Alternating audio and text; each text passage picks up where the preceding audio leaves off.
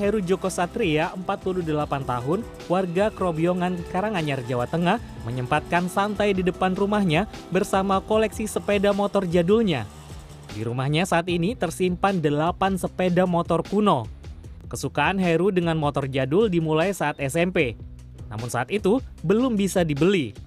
Barulah saat ia bekerja sebagai karyawan BUMN PT Garuda Indonesia, hobinya tersalurkan.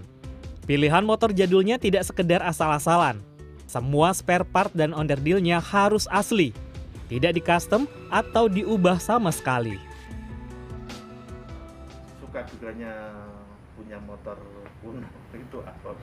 Satu ya orang tua jelas udah nggak nggak nggak nggak nggak setuju ya dengan barang-barang yang kayak ini, apalagi istri gitu melihat barangnya itu adalah apa sih barang rosok bahwa nggak ada nilainya kalau di mata mereka. Mungkin kalau di mata saya ya sesuatu yang hal memang menemani hidup saya ya untuk mengisi kesongan pada saat saya sendiri di rumah sini karena keluarga ada di Solo.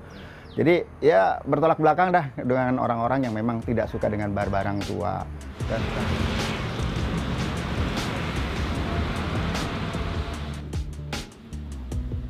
Di Solo Raya, hobi motor tua didukung banyak tempat penjualan motor lawas. Salah satu yang populer di Jalan Slamet Riyadi Kabalan, Ngadirejo, Kartasura, Sukoharjo, Jawa Tengah. Di Marwan motor ini ratusan kendaraan dari yang tertua tahun 1960 hingga 1990-an semua tersimpan rapi di showroom ini. Harganya bervariasi mulai dari 3 juta sampai 80 juta lebih.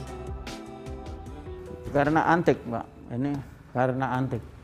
Ini tahunnya 75, cc-nya 200 ini yang tipe tromol, kalau yang tipe cakram lah, mahal lagi. Kemarin ditawar berapa? Ini belum ditawar, tapi kemarin jual yang cak yang cakram itu 80. 80. Kalau ini Kalau ini yang tromol harganya hanya 70. 70. Ya. Mahalnya karena memang di pasaran sudah nggak ada. Mahalnya karena sudah barangnya sudah langka, sulit nyarinya. Marwan memulai jual beli motor ini sekitar tahun 80-an. Awalnya karena pekerjaan menjahit yang dilakoni kurang mencukupi penghasilannya.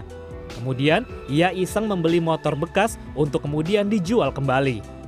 Ternyata menjual motor cukup menguntungkan. Dalam sehari paling banyak 4 motor bisa dijual.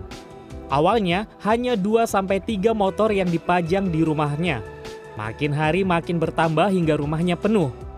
Hingga kini, dagangan Marwan sudah tersebar di seluruh penjuru tanah air, mulai dari Papua hingga ke Kalimantan, dan banyak dikoleksi para pejabat di tanah air. Kartika Bagus, Solo, Jawa Tengah.